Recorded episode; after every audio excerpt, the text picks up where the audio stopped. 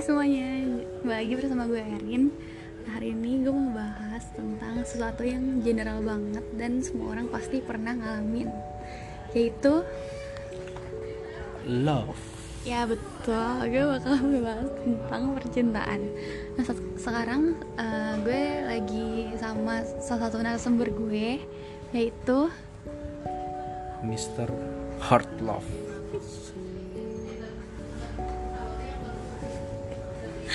ya nickname-nya gitu Nah kenapa kok bisa namanya kayak gitu sih Mr. Heart Love? Eh, kalau nggak pernah menyakiti dan disakiti ya nggak akan ada muncul nama itu Wah, dalam banget nih ceritanya. Eh, sekarang eh, gue mau nanya, nanya-nanya bentar sama Mr. Heart Love. Sebenarnya eh, pengalaman-pengalaman apa sih yang paling membuat eh, teringat gitu kalau tentang masalah percintaan?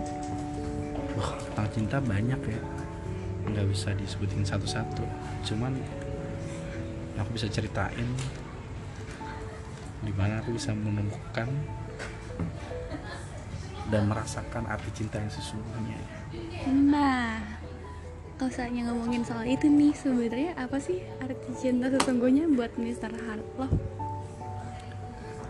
Cinta yang sesungguhnya itu pada saat seorang pasangan bisa menerima pasangan tersebut tanpa menuntut banyak hal tapi menerima dia dengan apa adanya Wah, mantap banget ya.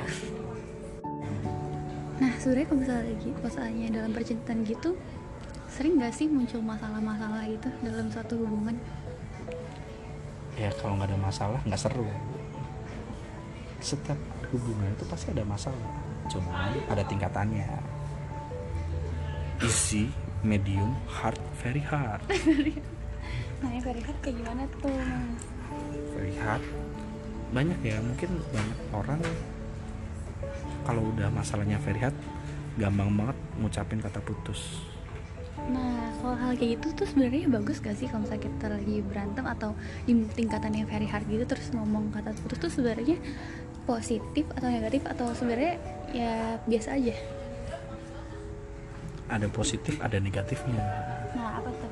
nah positif itu kalau dia sebagai korban negatifnya adalah kalau dia sebagai pelaku Pelakunya ya itu yang ngomong maksudnya. pelakunya itu bukan yang ngomong yang ngomong itu korban Mas? ya kalau sebagai korban akhirnya dia tahu bahwa si pelaku ini jahat sama dia. Makanya dia dapat sesuatu yang positif.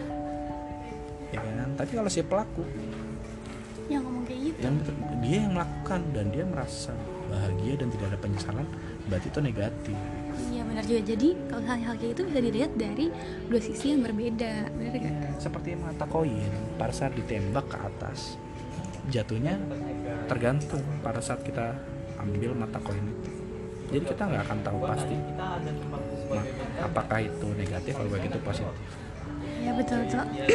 ya sekian gitu, sekian dulu uh, segmen kita hari ini. Guys uh, udah dengerin podcast kita. Thank you.